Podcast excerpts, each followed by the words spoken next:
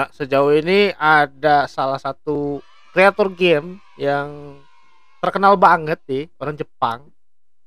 Cuman Mhm. dari game-game yang dia keluarin tuh gua sendiri nggak terlalu familiar sebenarnya.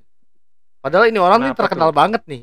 Game-gamenya orang-orang bilang kenapa? bagus, bagus. Ya kan Mhm salah mhm. satunya sih eh, Metal Gear Solid tuh, katanya bagus banget. Oh, Nah, oke. itu gua nggak pernah Hideo mainin tuh. Kojima berarti ini ya? Betul.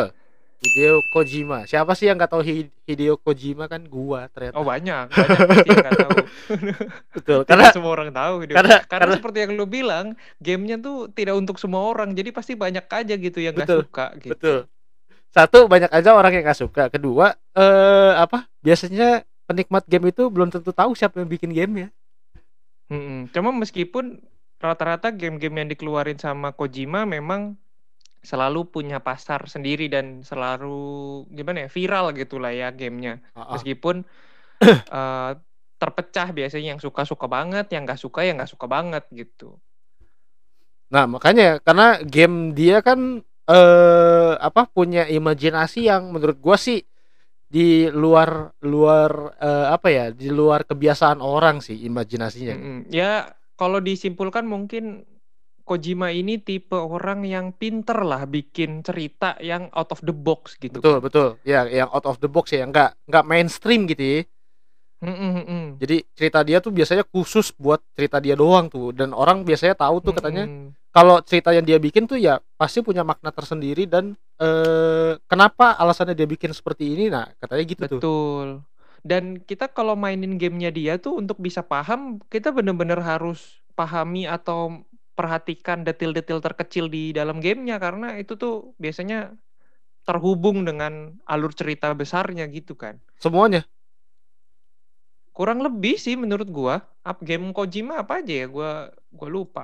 Nah, mungkin kita highlight sedikit ya. Hideo Kojima ini kan dulunya orang Konami kan. Betul. Jadi kan dia lama Yang banget tuh di Konami ini tuh. kan, yang bikin WWE kan. Bukan. Konami kan yang bikin WE dong. Kok WWE sih? W- WWE apa dulu yang bikin THQ? Oh iya betul betul. Bukan Udah berarti bukan Kojima yang bikin Smackdown bukan, ya. bukan. Walaupun sekarang udah dikuasain sama 2K WWE-nya. Iya betul. Ayo balik balik, ayo. WWE deh. Ya lu ngomongnya WWE. iya WE WE. Nah kan Konami kan eh dulu kan orang orangnya Konami kan si Hideo Kojima itu kan. Hmm. Cuman akhirnya dia gua nggak tahu ya beritanya tuh dia beneran keluar atau ditendang sih. Iya, gua rasa sih gimana ya? eh, kayaknya menurut gua sih Kojima juga udah nggak tahan. Kalau menurut gua pribadi ya, Kojima udah nggak tahan juga sebenarnya di Konami karena apa pun yang dia mau bikin kan sebenarnya terhambat gitu kan sama prinsipnya Konami, sama eh, mungkin pendapatnya petinggi-petinggi Konami gitu. Betul. Jadi terbatas lah kreativitasnya si Kojima karena begitu dia keluar bikin Kojima Production ya, Betul. eh, langsung bisa keluar game kayak Death Stranding gitu. Kan menurut gua nggak mungkin gitu Konami mau ngeluarin game kayak gini. Yang yang konteksnya bener-bener nggak nggak mainstream banget ya. Dan gimana ya ini game tuh bener-bener kayak kita nggak pernah ketemu di mana pun kita jadi kurir gitu Iya. kurir Iya. tapi secara nggak langsung kita juga kalau mau dapat full experience-nya main secara online gitu kan untuk ngebangun satu dunia yang udah post apokaliptik bersama dengan gamer-gamer dengan kurir-kurir yang lain gitu Iya, kita barengan, ngebangun barengan. satu jalan gitu kan Bisa atau saling ngebantu suatu- lagi. Mm-mm, gedung bantu bikin gedung-gedung selama perjalanan kita ngantar paket itu supaya dunianya jadi lebih bisa dinikmati gitu. Iya, betul betul. Tapi Death Stranding jangan dibahas sekarang nah, karena Death Stranding itu nanti pengen gue bahas Nanti ada khusus sendiri. ya ada lagi Nah, ya, ada iya. sendiri ya.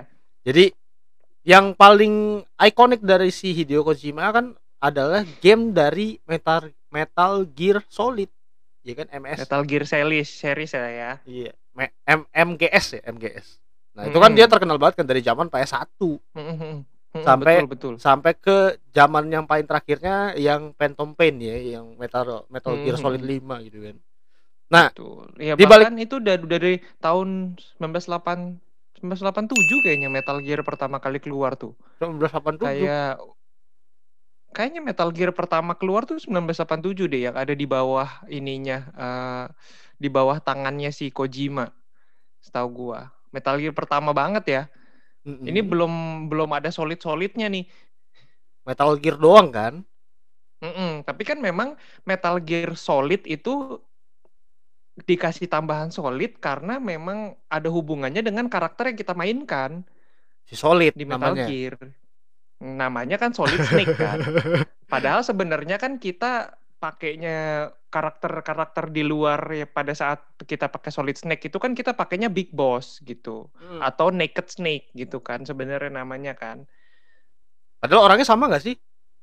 Beda dong. Beda ya, kan beda. ular ya? bugil sama ular solid beda. Ya mana tahu kan, mana tahu. Kan itu nama doang soalnya. Karena gue jujur beda, aja, makanya... karena gue jujur aja gue belum pernah mainin gamenya dari uh, eh, PS1 ya. Yang baru gue mainin tuh baru Metal Metal Gear Solid 5 doang yang uh, Phantom Pain. Oh, oke. Okay. Gue tuh dulu sempat main juga beberapa kali game Metal Gear Solid di PS2 sih. PS1 gue belum nyentuh ya karena kan uh, ya masih bocil banget kan nggak mungkin main game susah-susah banget gitu kagak bisa juga mainnya uh, tapi pas PS2 pun gue seingat gue gue tuh nggak pernah tamat main ini karena gamenya memang sesulit itu gitu oke okay. Yang ini ya Metal Gear Solid uh, dua ya kalau nggak salah ya yang di PS2 tuh. Lupa gua uh, Metal Gear yang mana. Iya kayaknya mungkin sepertinya iya deh Sons of Liberty iya ya, Sons of Liberty. Dari yang ku baca sih gini nah makanya sepertinya begitu ini kan jadi ikoniknya si Hideo Kojima banget kan hmm, hmm. sampai akhirnya dia keluar dari Konami ya keluar atau dikeluarkan ya mungkin teman-teman bisa ber, ber, berpendapat sendiri gitu kan karena memang hmm. rumornya banyak banget sih ada yang bilang dia keluar ada yang bilang dia dikeluarin ya kan yang pasti ya kalau yang punya teorinya yang bener tulis aja lah di kolom komentar lah gitu Betul. Betul. Nah, yang pasti yang pasti sekeluarnya uh, Hideo Kojima dari Konami, Konami sendiri sebenarnya masih tetap nerusin franchise-nya si Metal Metal Gear Solid ini karena hmm, meskipun nggak berhasil.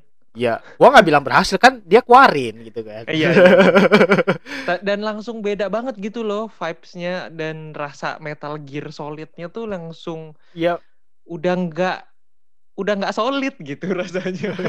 Game ini tuh langsung tidak solid gitu langsung kayak game gimana ya game ngadi-ngadi gitu. Ya gimana gimana mau solid gitu kan yang bikin juga bukan bukan si ini kok. Bukan mm -hmm. si dan Hideo mereka kan juga kayak kesannya ke, udah nggak tahu jalan ceritanya lagi karena sebenarnya kan Metal Gear Solid tuh sudah tamat gitu loh. Secara series dan saganya tuh udah tamat gitu. Jadi memang Metal Gear 5 eh, Phantom Pain pun itu hanya mengisi kekosongan cerita kan. Sebenarnya kan udah ada udah ada series yang memang endingnya tuh udah ada udah keluar bahkan sebelum Phantom Pain. Di Metal Gear Solid? Yang mana tuh? Berarti yang Phantom di, Pain itu bukan bukan game walaupun dia game terakhirnya bukan tapi endingnya. Bukan oh. bukan endingnya. Tapi uh, di Metal Gear kalau gua nggak salah itu dua tiga ya Jatuhnya jatuhnya ya? kayak spin off gitu atau? Enggak, enggak, before. Jadi di uh, flashback. Oh, flashback. Jadi mengisi kekosongan justru kejadian di Phantom Pain dan Ground Zeroes, Ground Zero sih lanjut ke Phantom Pain, kita bahas Phantom Pain aja. Pe, mm -hmm. uh, apa? Justru kelanjutan dari Metal Gear Solid 5 Phantom Pain itu lompatnya nextnya adalah Metal Gear yang keluar di 1987. Oh, jadi yang masih namanya Gear Metal ya? Metal Gear namanya bukan Gear Metal dong. Namanya oh, iya, Metal, Metal Gear, Gear Metal Gear, Metal Gear. Iya, salah gue kebalik. Soalnya ini gue baca nih di Wikipedia aja tulisnya Gear Metal ya kan ngaco nih. Iya, jadi gitu. ternyata itu cerita pertamanya, cerita awalnya tuh yang Phantom Pain itu. Uh, buk, dibilang awal juga enggak. Jadi ada di tengah-tengah dia sebenarnya karena kan uh, menceritakan karena sebenarnya cerita awalnya itu kan di Metal Gear Solid yang ketiga yang Snake Eater. Okay. Itu kan awal banget tuh kita okay. kenalan sama yang namanya Naked Snake. Dan dia tuh masih Naked Snake gitu namanya, namanya John gitu. Belum ada snake-snake-nya bahkan itu Snake tuh cuma alias doang gitu. Oke. Okay. Dan itu tuh dia masih punya bos juga, masih punya uh, apa karakter lain yang di atasnya dia. Se ini sebelum si Snake Snake jadi yang namanya Big Boss di okay. Metal Gear Solid 3 ini. Nah, abis itu dia disuruhlah ngebunuh si The Boss atau mentornya dia yang namanya Joy itu kan dibunuhlah sama si Naked Snake. Akhirnya dia berubah menjadi Big Boss yang kita kenal. Jadi diambil lah tuh posisinya. Mm -hmm. Kurang lebih gitu nah, dong. Yang kita iya betul. Nah, uh, apa uh, posisinya diambil dan dia ngebentuk organisasi baru lah gitu yang menurut dia lebih ideal lah gitu kan. Nah, terus yang kita kenal dengan the infamous Solid Snake itu sebenarnya adalah anaknya dari Naked Snake. Hmm, jadi memang beda orang jadi, nih. Mm -mm, jadi Naked Snake itu punya beda tiga anak ya? atau atau kita sebut Big Boss deh biar gampang deh ya. Iya iya. Uh, Big, Big Boss, Boss itu punya tiga anak. Sebenarnya bukan anak keinginan dia, tapi anak ini di cloning karena kan sebenarnya Big Boss ini punya kemampuan di atas rata-rata kan. Jadi memang dia tuh nggak bisa dibilang superhuman, tapi pokoknya ya jago banget lah gitu, skillful banget lah. Hmm, hmm. Dan orang apa organisasi pemerintahan tuh mau bikin soldier-soldier lain yang punya kemampuan seperti si Big Boss ini. Akhirnya bikinlah cloningan. Dua anak kembar namanya Solid dan Liquid Snake. Solid Snake sama Liquid Snake. Oke. Okay. Liquid Snake. Nah, Liquid Snake tuh sebenarnya ada di Phantom Pen dia keluar dengan nama Eli, Eli. Oh, oke okay, oke. Okay. Atau yang di julukannya kalau di uh, Phantom Pen tuh White Mamba. Ah iya iya White Mamba. Gue ingat, gue ingat. Nah itu itu adalah Liquid Snake. Nah, yang kita pakai di Phantom Pen itu itu Big Boss kan? Yang kita, nah, yang kita pakai di Phantom Pen itu memang kita diceritakan kita berperan sebagai Big Boss, tapi sebenarnya kita itu berperan sebagai orang yang dijuluki Venom Snake. Nah, bingung kan lu? Bingung. Nah makanya buat teman-teman yang yang mungkin gak terlalu kenal sama gamenya Hideo Kojima karena memang mm -hmm. uh, dia punya penggambaran karakter tuh cukup banyak dan solid ya. Jadi dari timeline mm -hmm. ceritanya pun juga nggak nggak apa nggak nggak nyantai aja gitu, nggak cuman ngalur gitu ya, nggak cuman ngalir doang ceritanya tapi banyak flashback, banyak spin off yang dikeluarkan. Jadi ya kalau lu cuman main ini satu game kayak gua pasti ya kebingungan juga tuh bingung gitu. pasti bingung iya iya gua pun okay. juga karena awalnya bingung gitu ceritanya karena kan seperti yang gue bilang tadi gue main PlayStation 2 nya juga gak pernah tamat gitu cuma nyobain setengah jalan gak kuat udahan gitu ntar ada keluar game Metal Gear baru nyobain lagi nggak tahan nggak kelar lagi gitu iya. jadi memang gue juga nyari gitu ceritanya terutama setelah Phantom Pain keluar gitu kan karena meskipun gue berhasil namatin Phantom Pain, terjadi kebingungan dong. Maksudnya ini cerita ini ada di posisinya di mana gitu. Timelinenya pasti bingung tuh timeline. Mm -mm. Karena ya itu kayak kemarin Devil May Cry juga kan timelinenya begitu. Kalau lu cuma mainin mm -hmm. satu game doang, pusing pasti. Ini cerita yang di mana? Tapi memang kalau kalau lu mau sedikit memahami ya uh, soal si Phantom Pain ini, sebenarnya lu perlu main Ground Zeroes-nya dulu menurut gua. Tapi memang cuma membantu sedikit sih, tidak membantu banyak gitu sebenarnya. Karena hmm. kita di Ground Zero itu sama-sama Metal Gear Solid 5 kan, sebenarnya Ground Zero sama Phantom Pain. Tapi kejadian di Ground Zero itu sebenarnya kejadian sebelum Phantom Pain gitu. Jadi di Ground Zero kita masih pakai The Real Big Boss sebenarnya. Hmm. Nah, terus sampai ada kejadian yang apa helikopter ada bom meledak, terus dia kena ininya lah ya, efek dari bom itu terus koma selama 9 tahun kan. Ya nyambungnya ke terus tiba-tiba gitu. nah, terus kita bangun dengan wujud Big Boss yang baru yaitu Venom Snake ya which is itu bukan Big Boss gitu. Sementara Big Bossnya kalau lu inget di awal-awal uh, Phantom Pain ada orang di rumah sakit yang tiba-tiba nolongin kita keluar dari rumah sakit itu. Ah, ingat, ingat. Yang namanya Ismail. Ah, itu Big Bossnya? Nah, it, itu adalah Big Boss. Lah. Jadi dia tuh minta orang jadi dia tuh udah udah sebenarnya udah sadar dari lama gitu loh. Jadi nggak nggak sampai koma 9 tahun, tapi dia minta anggapannya dokter yang kenalannya dia lah untuk ngerubah salah satu uh, pegawai gitu apa namanya staff. anak anak buahnya dia gitu kan untuk mukanya jadi muka dia rubah mukanya jadi muka dia untuk ngelabuin orang yang ngincer dia gitu. Terus dia pakai muka siapa? Yang namanya XOF gitu. Enggak, jadi dia memang mukanya muka Big Boss doang. Cuma awalnya kan diperban biar orang nggak tahu. Cuma oh. nanti ada scene kalau dia sama yang jadi anak buahnya kita tangan kanannya Big Boss lah yang namanya Ocelot itu. Uh -huh. uh, itu tuh kayak ngobrol sama Big Boss yang asli terus membiarkan si Big Boss itu pergi ke Afrika ya, kalau apa Timur Tengah gitu, gua rada lupa. Dan membiarkan si Venom Snake ini jadi big boss untuk sementara waktu uh, gitu. mendistraksi mendistraksi tentara musuh lah gitu si XOF itu yang kita lawan sama si Cyber gitu kan. Hmm, walah. Nih baru dari Phantom Pain-nya aja gue udah bingung ya. Karena Phantom Pain-nya juga gue masih belum main sampai selesai nak. Jadi masih baru pertengahan game karena gamenya panjang cuy ternyata.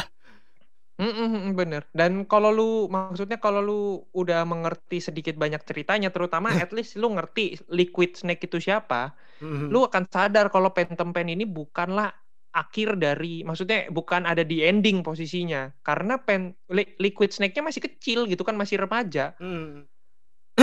Nah itu yang gue bingung kan antara itu, karena kan nama snake-nya banyak banget nih. Ada Liquid -hmm. Snake, ada Solid Snake, ya kan, ada Venom -hmm. Snake terus Big hmm. Boss lagi disebutnya makanya gue pikir ya ini hmm. sisi Big Boss ini ya si Snake Snake yang selalu ada di Metal Gear gitu gue pikir kan ternyata hmm. bukan bukan jadi memang dia tuh dikasih semacam nah kan kalau lu inget uh, penyebab kita koma itu di Phantom Pain ya kita kan pakainya Big Boss S Venom Snake gitu kan hmm. uh, kan ada kayak apa ya namanya yang di jidatnya dia tuh yang ada lempengan hitam tuh yang kayak tanduk. Nah, itu itu itu yang gue bingung tuh. Apa nah, itu? Itu yang bikin itu yang bikin kita koma sebenarnya selama 9 tahun. Karakter kita koma karena itu adalah pecahan dari bom yang meledak di helikopter di awal-awal itu. Jadi nancep di kepala kita, bikin kita berhalusinasi, terus bikin kita kayak nggak bisa mengenali diri kita, kayak amnesia gitulah. Makanya bisa di uh, bisa dikibulin gitu anggapannya sama Ocelot kalau lu tuh big boss lo gitu. Apalagi mukanya muka big boss kan. Iya, kan dia nggak inget apa-apa ya lihat mukanya ya. Oh mm -mm. iya mungkin gue big boss memang gitu kan. Mm -mm, gitu. Jadi big boss Jadi yang asli nggak punya nggak punya tanduk tuh, nggak punya tanduk yang gak itu punya, nggak punya. Justru karena ada tanduknya itu yang bikin dia otaknya anggapannya terganggu dengan halusinasi karena efek dari uh, apa tanduk itu nancep kan sebenarnya di otak dia kan itu kan iya. sebenarnya serpihan bom gitu. Nah itu kenapa gak dicabut? Nah, itu ya. Gak bisa kalau dicabut mati kan butuh orang buat ini, buat mengelabui, Aduh. buat menyamar jadi Aduh. big boss. Kesian deh hidupnya si ya. iya memang memang. Cuman dimanfaatin doang ya sebenarnya. Nah sebenarnya Big Boss asli itu udah pernah mati dua kali juga sepanjang series ini. Mati terus hidup lagi gitu? Uh, nggak bisa dibilang sebenarnya mati aslinya tuh cuma sekali sih. Mati yang jadi di series yang gue bilang tadi Metal Gear pertama atau kedua gitu, yang bener-bener awal banget masih uh-huh. pixel gitulah ya. Itu tuh Solid Snake pernah ngeben, ngebunuh bapaknya. Jadi dia memang dikirim untuk misi karena jadi Solid Snake-nya udah gede nih, udah hmm, jadi hmm, hmm. inilah special force gitulah ya. Jadi udah kayak jadi si big boss gitulah. Dia hmm. suruh uh, misi ngancurin suatu markas gitu loh. Ternyata di markas ini adalah markas punya bapaknya, punya si Big Boss. gitu. Jadi si Solid Snake ini di semacam di brainwash sama organisasi ya tempat dia ini, tempat dia kerja gitulah ya. Uh -huh. Kalau organisasi punya orang yang namanya Big Boss ini itu tuh organisasi jahat gitu. Hmm, jadi dia makanya Akhirnya jadinya dia nyerang nyerang nyerang bapaknya nyerang sendiri gitu kan. Itu meskipun pada saat itu Solid juga nggak tahu gitu sebenarnya Big Boss tuh bapaknya dia gitu. Ya, dibego-begoin aja lah berarti. Mm -mm. Baru tahu pada saat ketemu langsung sama Big Boss. Jadi sebelum final battle itu tuh dikasih tahu lah lu tuh sebenarnya anak gua loh gitu. Terus saya meskipun tetap solid tetap kayak ya udah tapi lu tetap salah gitu. Terus berantem big boss tuh kalah. Tapi ternyata big boss yang dikalahin sama si solid itu adalah venom snake yang di phantom pain. Hmm, nyambung ya. Nyambung kan? Makanya kalau lu main yang apa Metal Gear yang jadul banget tuh lu akan bingung sebenarnya Venom Snake ini siapa karena baru dijelasin sekarang gitu. Jauh banget masalahnya. kan uh, soalnya Iya. jauh banget dah masalahnya kalau lu mainin Tiga, 30 tahun ya. iya masalah Metal Baru Gear jelas. Metal Gear 2 itu kan di Solid Snake itu kan di tahun 90-an lu masih PS1 cu Mm-mm. itu PS1 aja di Mm-mm. Ini di luar 2015, 25 tahun kemudian, dua dekade ya. iya Masih nunggu loh. Enggak, udah gitu, udah gitu kan Metal Gear Metal Gear 2 keluarnya di PS1 gitu. Nah, di tahun 90 juga PS1 belum booming di luar Jepang, nah. Lu bisa bayangin mungkin tuh. mukanya agak beda gitu loh dengan muka sekarang gitu. Iya, namanya juga grafik kan. Muka karakternya. Iya, Iya. namanya juga grafik ya kayak kalau Tomb Raider aja lah, Tomb Raider muka- lah. Nya mukanya Solid Snake mukanya Solid Snake dulu dan muka ke Solid Snake sekarang kita mungkin mungkin beda Bingung. gitu. Iya. Iya. Nah, sebelum kita lebih jauh ke story-nya ya, gua pengen tanya juga nih, kenapa kenapa eh dunianya itu sebenarnya settingnya itu di dunia apa sih? Soalnya gua mainin yang Jadi sebenarnya- aja ya, karena tiba-tiba Hmm. kan kita bangun-bangun di rumah sakit tuh. Kita bangun-bangun di rumah sakit, Hmm, hmm, hmm. ya kan nggak inget Mhm. siapa kita dan gue juga nggak tahu ternyata dia bukan big boss yang asli gitu kan. Baru tahu dari lu nih, Betul. kan nggak tahu siapa Mhm. terus eh, tiba-tiba kita diserang diburu gitu kan sama sama si organisasi yang tadi kan namanya apa tuh gue lupa tadi Yang mana? organisasi yang yang ngeburu si bos di Phantom Pen, iya XOF. iya. XOF. nah Organisasi bayangnya bayangannya Foxhound kan. iya Yang ini yang memang apa organisasi utamanya si Big Boss Mm-mm, awalnya. mm-mm. nah itu kan dicari kan gitu gue pikir ya mungkin dia buron gitu kan setelah buron dia kabur gitu kan diselamatin sama si Ismail itu ya kan terus tiba-tiba ada sosok cewek anak kecil pakai baju apa ya baju baju apa rumah sakit jiwa gitu kan? Bisa ngebakar. Nah, itu itu sebenarnya si perempuan ini yang nanti julukannya itu namanya kalau nggak salah psychotic mantis atau apa gitu atau psychomantis gue lupa namanya. Eh, itu tuh memang ad- sudah pernah disebutkan juga di series yang lain gitu sebenarnya dan juga Man on Fire-nya itu kalau gua nggak salah inget dia itu adalah eh, si siapa namanya Major Zero ya temennya si Big Boss kalau gua nggak salah inget ya. Si Man on Fire-nya ini.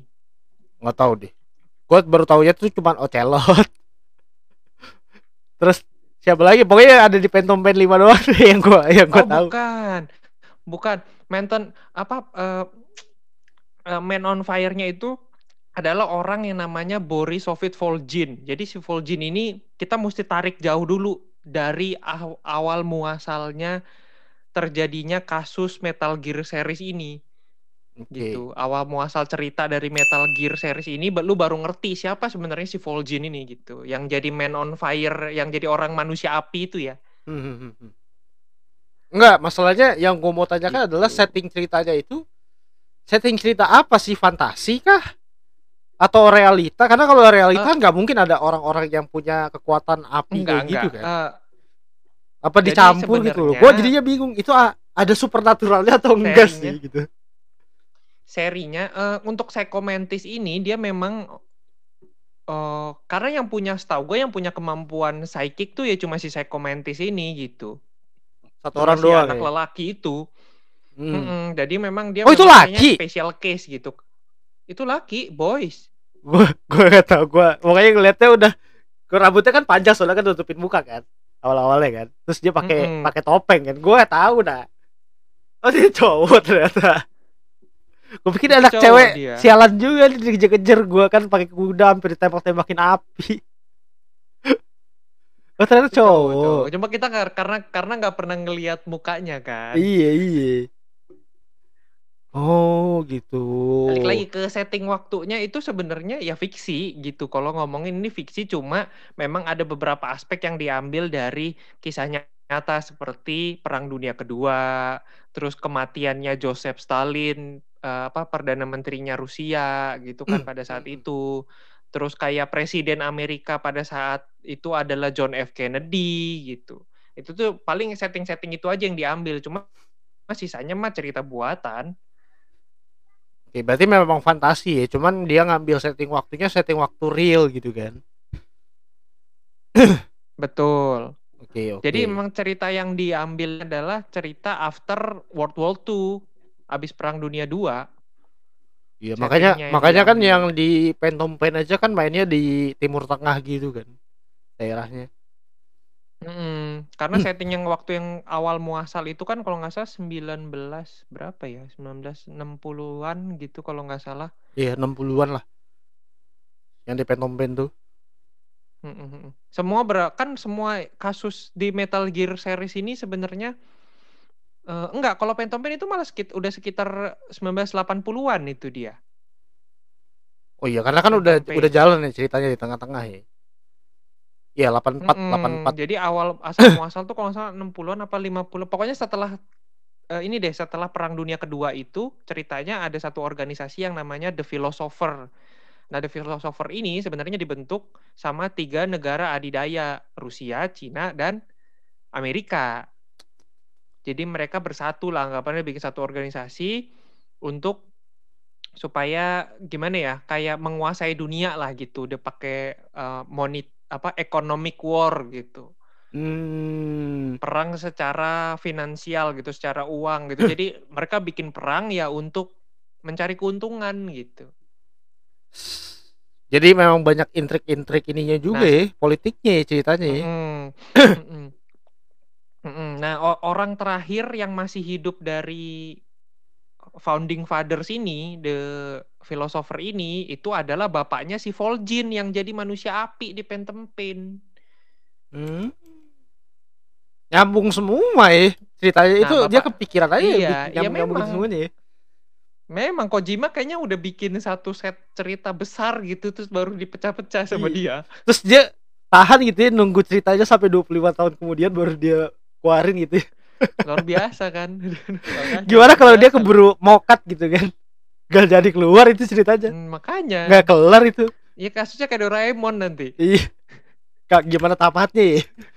Nggak ada Doraemon. nggak ada tamatnya. Keburu meninggal kita nggak pernah tahu itu dia niatnya tamatnya gimana. Fujiko Fujio-nya kan.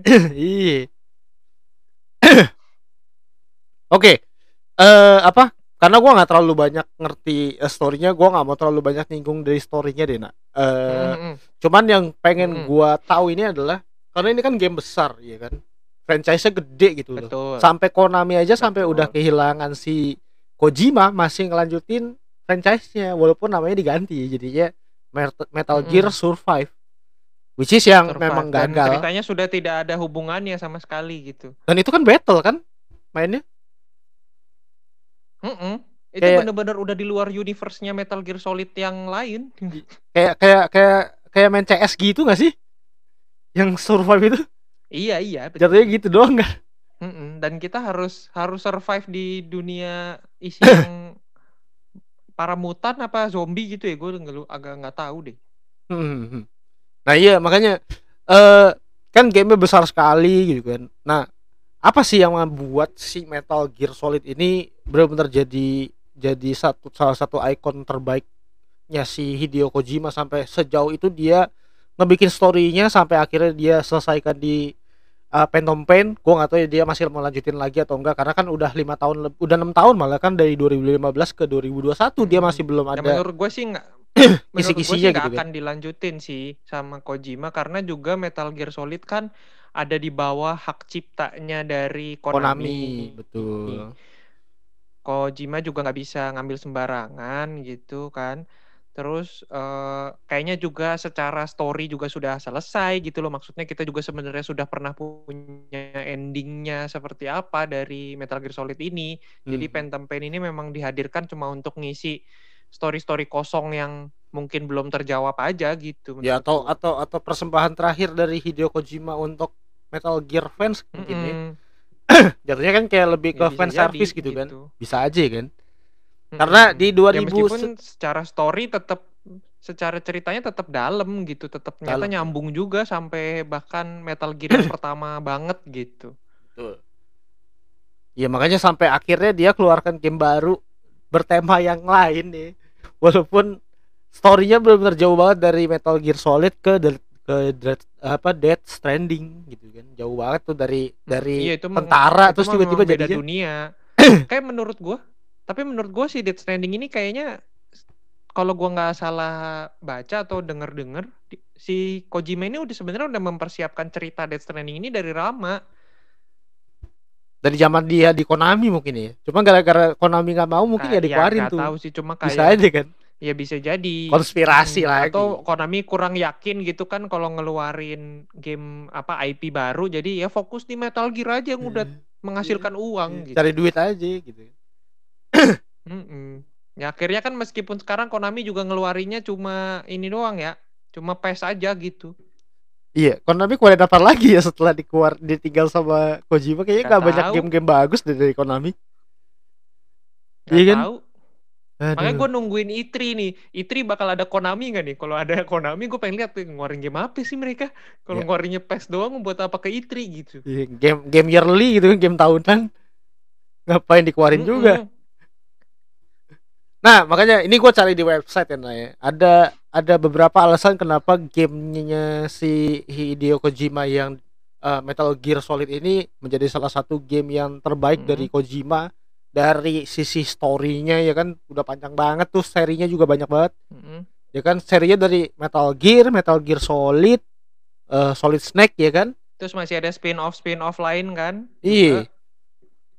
Terus masih ada apa lagi tuh? Eh Son of Liberty, Metal Metal Gear Solid 2 ya kan? Terus ada Ghost Bab Ghost Babel. Hmm, ini ada bahkan ada kayak yang namanya Metal Gear Exit. Terus ada lagi apa namanya? Ya Ghost Babel itu juga semuanya ini eh, spin-off spin-off Spin-off, Metal spin-off, Gear kan? Arcade. gitu. Iya. Mm-mm. Terus ada juga ternyata udah pernah dikeluarin di mobile juga ya. Metal Gear Solid Mobile loh. Iya iya. Terus ada yang bahkan kita pernah jadi ninja gitu di Metal Gear Rising kan?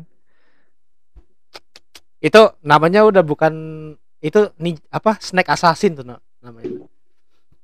ninja kan ninja. Bahkan nama namanya tuh kan yang di Metal Gear Rising sebenarnya namanya kan bukan Snake tapi Raiden kan. Dan Raiden itu sebenarnya ada karakter aslinya di Metal Gear series. Ada juga.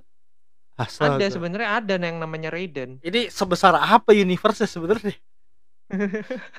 Jadi Raiden tuh ada salah satu karakter yang memang ada gitu terus memang mungkin dikasih spin-off solo inilah solo game untuk dia gitu. Kesian ya, kesian mungkin. Biar nggak ditinggal sendiri gitu. Iya kan? Soalnya gua nggak tahu nih kalau yang ini kan Metal Gear Rising ternyata dia ada sendiri. ya mungkin karena ciri khasnya dia yang memang pakai pedang ya, jadi mungkin unik gitu kan. Cuma kan jadi jauh ya dari yang kita biasanya stealth dan juga mengendap-ngendap pakai senjata biasa gitu. Ujung-ujungnya pakai pedang terus barbarik gitu kan. Nah itu. Soalnya yang gue mainin dari Metal Gear Solid sendiri kan dia sistemnya bisa stealth atau lu mau barbar kan. Walaupun secara Hmm. sistem ya menurut gua stealthnya pun susah pak. Susah Mm-mm, banget iya, susah banget. Karena kan karena ya meskipun apa namanya? eh, si AI AI soldier yang dipakai itu juga kalau kita ngomong nggak pinter-pinter banget. Cuma positioning yang ditaruh itu tuh menyulitkan Betul. tahu kita untuk menyusup ke suatu tempat. Betul. Dan apa tempatnya Meskipun mereka juga cuma muter-muter di situ-situ doang kan tentaranya. Iya, dan gitu udah gitu, udah gitu apa? Eh dia beda beda beda pendekatannya sama ini ya, sama eh Tomb Raider misalkan. Karena Tomb Raider kan kita Hmm. bisa main stealth nih misalkan. Tomb Raider kita bisa main Hmm. stealth. Terus ah, misalkan kita mesti masuk ke satu bunker kan kalau Tomb Raider gitu kan. Kita masuk satu bunker, tapi pintu masuknya ya ter- ke- bisa kehitung gitu loh. Lu bisa masuk dari pintu A Mm-mm. atau pintu B gitu kan. Atau pintu C gitu kan. Mm-mm. Terus tinggal milih gitu doang gitu. Betul. Nah kalau yang Metal Gear Solid itu karena nggak ada pilihan, jadi semua celah sebenarnya bisa aja lo masukin. Cuma caranya itu yang bikin Bener. susah gitu kan. Dan iya penempatan para AI AI-nya juga menurut gue NPC-nya juga menurut gue cukup pinter gitu loh. Di mana kita lagi mikir, oh nih kayaknya kosong nih, tiba-tiba ada yang nongol gitu kan, Iya iya. out of nowhere. Terus selalu ada di itu tuh kendaraan yang patroli keliling keliling Keliling semua campnya kan? ini kan, semua pos tuh gue gue paling kesel tuh. Lagi Iya. asik-asik nih udah ini tiba-tiba dateng dia. Enggak, terkadang tuh gua kan sebelum kita ngin apa sebelum kita masuk ke dalam kan biasanya ngintai dulu dong pakai teropong dong ya kan Mhm. tandain dulu tuh semua musuhnya tuh kanan kiri kanan kiri kanan kiri terus satu spot udah kelar gue pindah dulu nih ke spot eh apa ujung ujung ujung belakangnya pindah dong supaya kelihatan lagi dong Mhm. udah lelet banyak banget tuh mas- masukannya kan pas ada celah bisa masukin bisa masukin. Gua minimalisir untuk nggak ngebunuh eh, si eh, penjaganya. Soalnya kalau dibunuh tuh bisa hampir semuanya alert pak.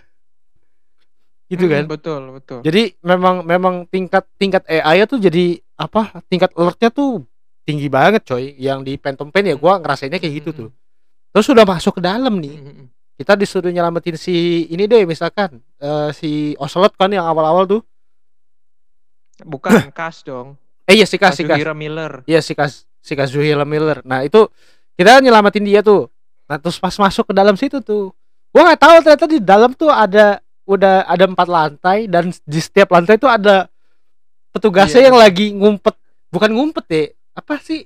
Kayak lagi di pojokan lagi gitu pak. gak gitu. kelihatan pak. Iya. Iya dia lagi santai-santai gitu kan sebenarnya kan. Mungkin lagi istirahat, lagi di di situ juga lagi ngerokok-ngerokok Iya, gitu. Cuma iya. memang adanya posisinya di pojokan gitu. Iya. Dan blind spot banget gitu loh buat gua. Padahal kan gamenya kan Hmm. bukan bukan first person ya. Ini kan third person ya. Biasanya kan Hmm. udah ada Ya itu yang susah tuh. iya biasanya kan kalau third person kan ada point of interestnya dong. Karak, mata karak, kepala karakternya Benar, bakal benar. ngikutin dong gitu kan. Mm-mm. Nah kalau di sini nggak terlalu Mm-mm. nyaru Terus gitu. kalau Iya, terus kalau satu badan udah ketahuan gitu, misalkan kita lupa ngumpetin ya badan yang udah kita bunuh atau kita bikin pingsan, terus ketahuan sama temennya, itu tuh positioning semua tentara tuh bisa langsung beda gitu Langsung loh. berubah. Mereka pergerakannya. Jadi yang kayak Langsung yang kita ingat langsung gitu ngelihat tadi, semua oh, mereka gitu. jalan gitu tuh kayak dan udah nggak berguna lagi. Kita bener-bener harus belajar lagi gitu. Kita harus ngumpet di mana, jalan lewat mana gitu. Iya, iya. Itu dia. Patternnya susah banget coy. Gua sih ngerasainnya 2015 menurut gua luar biasa loh patternnya. ya luar biasa menyusahkan untuk yang main di 2021 ya. Ya, Karena- ya, kan lu lu kemarin maksudnya pada saat kemarin kita ngomongin Tomb Raider salah satu komplain kita adalah AI atau NPC yang goblok kan gitu. Maksudnya Betul, mereka gitu-gitu aja Betul, gerakannya. betul. Tapi untuk giliran dikasih yang kayak Metal Gear Solid 5 yang begitu dinamis Kesusahan, kesusahan. kita kesulitan gitu Susah, kan. Pak, susah. Kamu banyak maunya memang player. Emang. Pokoknya mau kalau gampang tuh berasa jago ya gitu kan. Kalau susah ngom komplain gitu udah. Kalau gamer tuh Iya, gitu aja. Gimana memang serba salah aja gitu developer mah. Iya. Nah, yang gue rasain tuh memang itu tuh yang susahnya dari Metal Gear Solid. Makanya mungkin itu salah satu daya tariknya si Metal Gear Solid juga ya yang Mhm. bikin yang bikin apa gamenya tuh apalagi kalau lu bayangin sistem ini diterapin di zaman PS1 gitu kan. Waktu kita masih zaman SD masih bego lah. Kalau mainin Bener, game gini ya gimana nggak mampus itu otak. Ya karena memang stealth-nya harus bener-bener pelan banget gitu. Iya, Kita iya. bener-bener harus slow, Hati-hati banget bisa gitu. gegabah, bener-bener harus harus sabar banget untuk bisa stealth. Betul. Dan kalau misalkan udah udah ketahuan nih, wah itu diserang satu campnya sih susah pak. Bahkan dia mereka bisa ini kan, bisa nelpon temennya dari camp lain kan untuk Iya, kirim iya, ini iya. bala bantuan. Iya. Itu yang bikin susah juga tuh. Kampret memang susah banget. Makanya gamenya kalau dibilang dibilang ya Tomb Raider dibilang susah ya jadinya gampang. Kalau ini kesusahan bener-bener udah. Mhm, gitu. Oke, ini aspek-aspek yang bikin eh, Metal Gear Solid nih oke nih. Per- Yang pertama dari plotnya, plot story-nya. Memang gua Hmm. akuin plot story-nya pun juga kompleks banget ya. Sangat sangat dalam dan rumit ya. Mm-mm, Dan memang story-nya juga dibangun sedalam itu ya apa makan waktu 25 tahun gitu coy. Itu nggak heran sih kalau misalkan story-nya bisa sedalam itu gitu kan. 25 30 tahun malah hampir. Kalau 87 kita aja belum Ya lahir, kalau Nak. sekarang kan karena karena udah dilanjutin ya masih masih masuknya 20 tahun karena berakhirnya di 2015 kan sebenarnya franchise-nya. Ya Betul. kita nggak usah ngitung survive lah, survive kan udah di luar jalur. Iya makanya yang pertama dari plotnya plotnya tuh memang memang udah udah eh berat ya jadi memang berat bukan sembarang orang yang bisa mainin sih menurut gua yang gamer-gamer casual gitu ya bakal kesulitan buat main ini. Pertama dari plotnya Mhm. kedua dari gameplaynya gitu kan. Apalagi sistem lootingnya juga kan nggak segampang looting looting game yang lain gitu kan. Gue ngerasain loh dari senjatanya. Bener bener bener nge Mhm, mhm. Meskipun eh, asiknya adalah setiap setiap musuh tuh bisa kita loot gitu kan. betul betul Dan maksudnya area yang bisa kita masukin juga kayak hampir semua tempat tuh bisa kita masukin. gitu. Mhm. Jadi nggak nggak banyak yang apa aset desain tuh yang disia-siakan kayak misalkan kita ngomongin GTA 5. GTA 5 kan gedung segitu banyak tapi kita nggak bisa masuk sama sekali kan kecuali yang memang udah didesain sama mereka gitu. betul betul terus eh apa ya ini kan gamenya open world nak kalau di zaman Mhm. PS2 Untuk pertama kalinya kan, untuk sebenarnya untuk pertama kalinya kan Metal Gear itu masuk open world adalah dari Phantom Pain ini. oh Phantom Pain baru open world tuh jadi kalau yang sebelum-sebelumnya Sisanya belum yang mainnya per per mission sisanya. Oh. Yang kita memang memang kayak main ini. Kayak kalau lu main Splinter Cell, nah ya pernah Blacklist, itu kayak gitu si sebelumnya. Yang di dalam satu lokasi doang ba- ada puzzle, kita mesti stealth. ya mapnya cuma di situ doang kan doang. satu Ya, satu misi itu doang kan doang. yes yes yes yes paham Baru paham. pertama di Phantom Pain ini yang uh, open world. nah itu jadi bikin tambah susah tuh open world Dan dunianya makanya gede gitu. kita nggak tahu kita ng- nggak nggak dikasih tahu apa berapa lama sebenarnya kita ada di dalam dunia Phantom Pain ini ya karena kan setiap player bisa beda-beda ada yang nyelesain satu misi dalam ti- tiga putaran waktu karena kan siang malamnya berputar terus kan Mhm, di Phantom Pain ini kan ada waktu yang bener-bener ada jamnya gitu betul oh ternyata baru baru baru pertama kali di Phantom Pain untuk Mm-mm. open Setahu worldnya gua. Enggak, gue pikir soalnya kalau misalkan dia dia open world dari zaman PS2 sih berarti open world zaman PS2 kayak gimana? Gue pengen tahu aja. yang gitu. meninggal Ternyata bukan, meninggal kan? pak meninggal Ya dulu kan ha apa eh, device-nya juga nggak kuat, nah gak bakal kuat ngerender segitu banyak. ya gimana cara bikin map segitu gede zaman dulu Iya. Dulu bikin map segede Vice City aja, GTA Vice City aja susah itu. Walaupun gak gede-gede banget ya Vice City. kalau dulu mah open world paling yang kayak game Pokemon gitu yang kita bisa sebenarnya bisa keliling-keliling juga cuma ya mapnya emang nggak nggak gede gitu Iya, kan. segitu-segitu doang. Mm-mm. cuma kita bisa keliling-keliling bebas gitu sebenarnya Nah, iya. Terus eh banyak banget nih dari dari dari dari ininya sih. Eh, dari apa kenapa ini game bisa banyak banget fansnya gitu loh. Yang pertama plot, kedua gameplay ya kan. Terus musiknya juga katanya musiknya salah satu musik yang Heeh. terbaik juga ya. betul betul dan kayak di Phantom Pain ini kayak kita dikasih special fan service gitu loh di mana kita mungkin eh, pada saat nyerang camp atau bunker lawan Bisa ngambil volume. gitu kan Lagu kan? kayak kita bisa bisa ngambil lagu-lagu yang sebenarnya mungkin juga beberapa lagu tuh adalah lagu-lagu lama di Lagu-lagu klasiknya kan? lama gitu.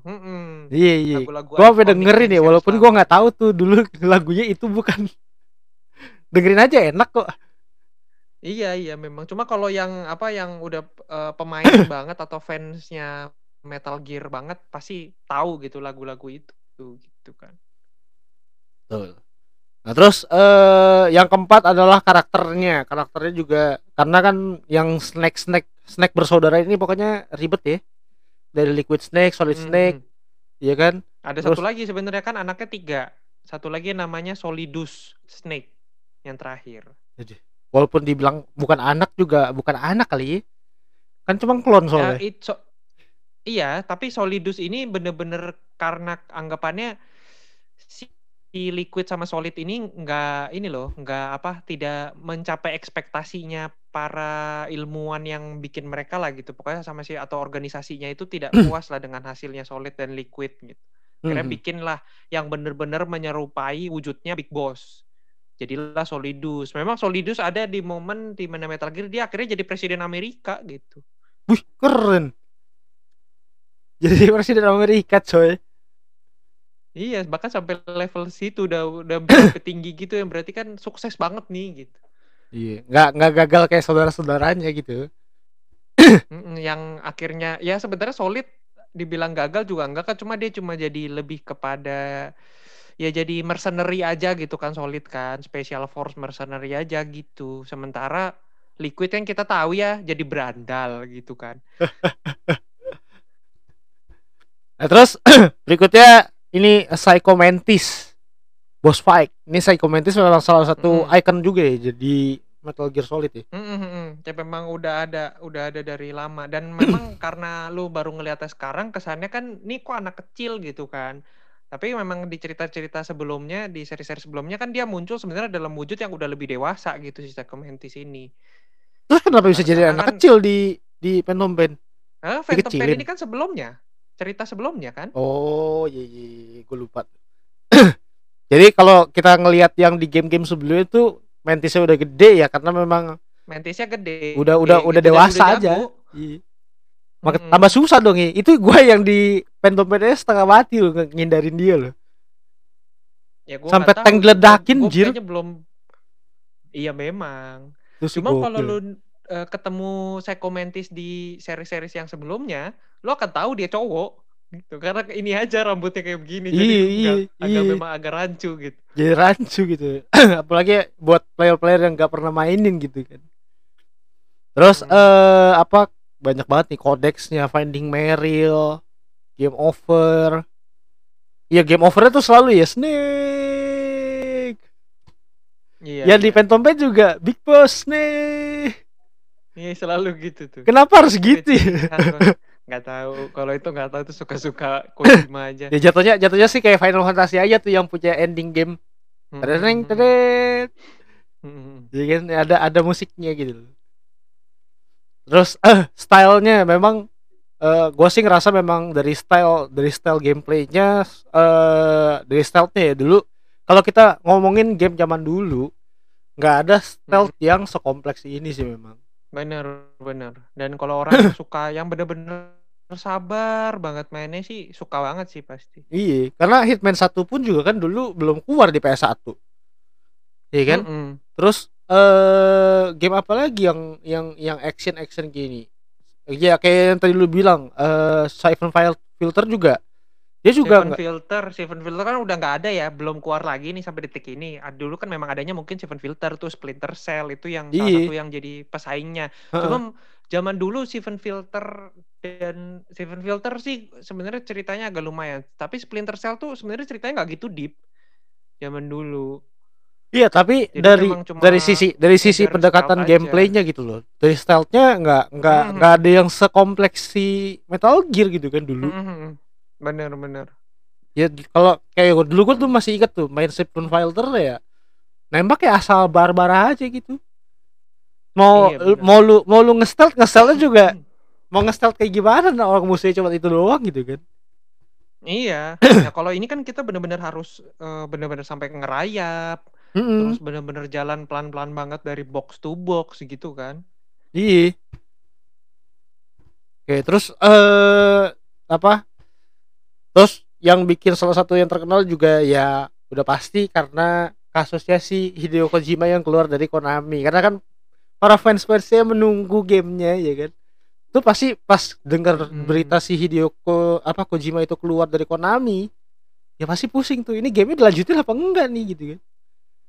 Terus Cuma menurut gua sih pasti ada beberapa orang justru malah lebih seneng gitu Kojima keluar dari Konami karena mikir oh berarti Kojima bisa mungkin bikin harapannya tadinya mungkin awalnya bikin Metal Gear lebih liar lagi gitu atau bisa lebih ini lagi. Cuma kan ya akhirnya Metal Gear-nya tidak dibawa gitu kan sama Kojimanya.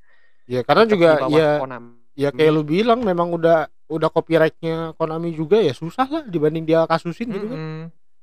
Ya memang dulu dia juga Bener. kerja sama mereka ya udahlah Ya Kojima juga mikirnya ceritanya juga kayaknya mah udah semua gitu. Kalau main gue bikin, gue mesti bikin cerita baru juga gitu. iya dan cerita Mending dia ngurusin Death Stranding. nah itu yang cerita yang dia keluarkan ternyata ngebum juga ya Death Stranding ya walaupun gamenya cuma jadi kurir Mm-mm. oke Iya. kenapa kenapa itu Maksudnya game ya- ngebum ya- nanti kita bahas lagi di episode Bahas di berikutnya Death Stranding lah ya. Tuh. Nah, dari Metal Gear Solid sih gua cukup pusing sih intinya dari storynya ya, dari gameplaynya sih gue cukup bisa menikmati nah untuk untuk di 2021 ya. Karena mungkin ada teman-teman juga yang belum pernah mainin mungkin bisa mainin dulu tuh yang Phantom Pain-nya dulu ya yang paling baru. Karena kan Masih eh masih masih sangat ini kok enak di mata kok. betul. Itunya juga pemandangannya juga masih bagus gitu, masih indah dilihat dan apa betul field of view-nya juga jauh gitu kan. betul jadi kalau buat teman-teman yang belum pernah mainin terus mau mainnya dari Metal Gear Solid yang pertama atau yang kedua gitu ya takutnya sakit mata aja gitu Yang jangan sejauh itu dong. ya takutnya kan makanya Kita main yang PS2 atau bahkan PS3 awal-awal aja udah banyak yang gak kuat gitu. Iya makanya. Jadi masih masih cukup masih cukup relevan banget untuk dimainin saat ini sih dari grafiknya, gameplaynya, gameplaynya juga gua sendiri masih belum tamat makanya karena susah. Gua berapa kali tuh gagal di satu misi yang berulang-ulang terus nak. Mhm. Iya Itu memang eh, apa repeat tuh pasti jadi barang biasa lah kalau iya untuk Metal iya Gear. itu di udah gitu di Metal Gear dia sistemnya checkpoint kan. Mhm, mhm. Itu yang bikin ribet loh. Setelah lu gagal nih ngulangnya di checkpoint gitu. Ngulangnya bukan di save di save terakhir gitu. Ngulangnya di Masalahnya checkpoint, di kalau kita checkpoint. balik ke checkpoint, kalau gua nggak salah inget, semua yang kita bunuh hidup lagi nggak? Hidup lagi. Jadi kayak Ya ngulang kan? dari awal Jadi gitu. kalau checkpointnya ada di, jadi kalau kayak checkpointnya kita udah di tengah-tengah, pas kita mau cabut, orang-orang yang udah kita bunuh sebelumnya tempat kita, jalan keluar kita tuh hidup lagi, ada lagi Iya. gitu. Jadi misalkan apa? eh lu udah lu udah kelarin misi jadi, terus lu tinggal disuruh kabur nih dari dari Mhm. campnya. Pas lu mau kabur ketahuan, terus dikeroyok lu mati. Ngulangnya di tengah Mhm. nah. Terus juga, Itu bete iya bener-bener.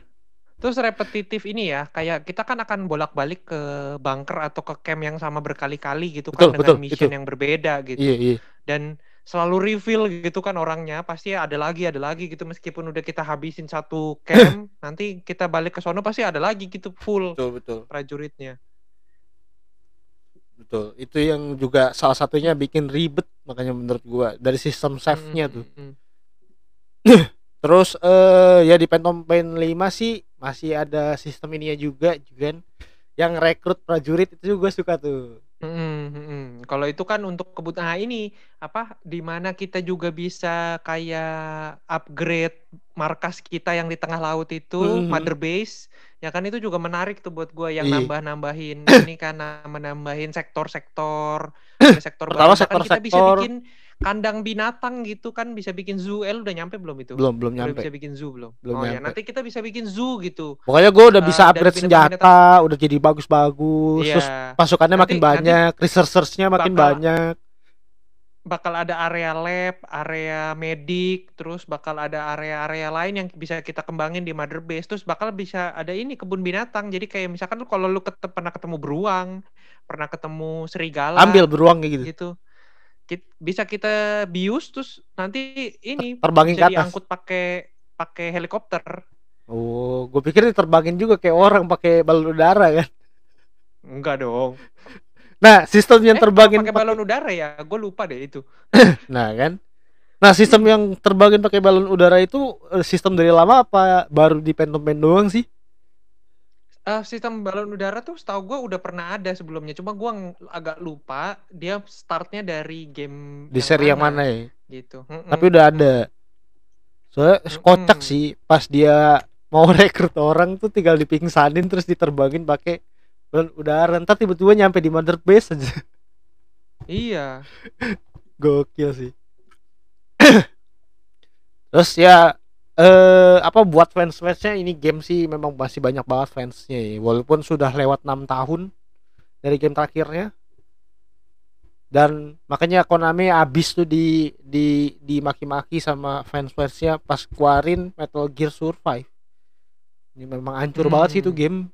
Dari dari apa storynya kagak ada, yang bikin udah tahu udah bukan si Kojima lagi terus Mm-mm. eh apa bet gamenya jadi battle gitu kayak CS gitu modelnya soalnya kan Dan game yang lama kan udah kayak- ada gitu Kayak cari makan terus bahkan cari supply air terus menerus karena kan survive kan ininya Mhm. temanya. Hmm, Habis itu juga kayak banyak bug. iya.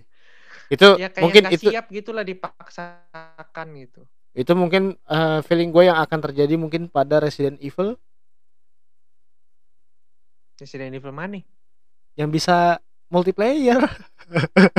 Oh, Resident Evil multiplayer mah memang orang nggak pernah berharap gitu itu mah add-on setahu ini gua. Iya sih memang. Menurut gua mah cuma buat hiburan semata gitu. Ya, soalnya mainin maininnya aja udah capek ya dan itu memang game single player Iya itu gitu. paling kita sekali dua kali main udah nggak pengen main lagi gitu. Iya, Kayaknya si ini juga paham kayaknya. Apa siapa yang bikin Resident Evil Capcom ya? Capcom.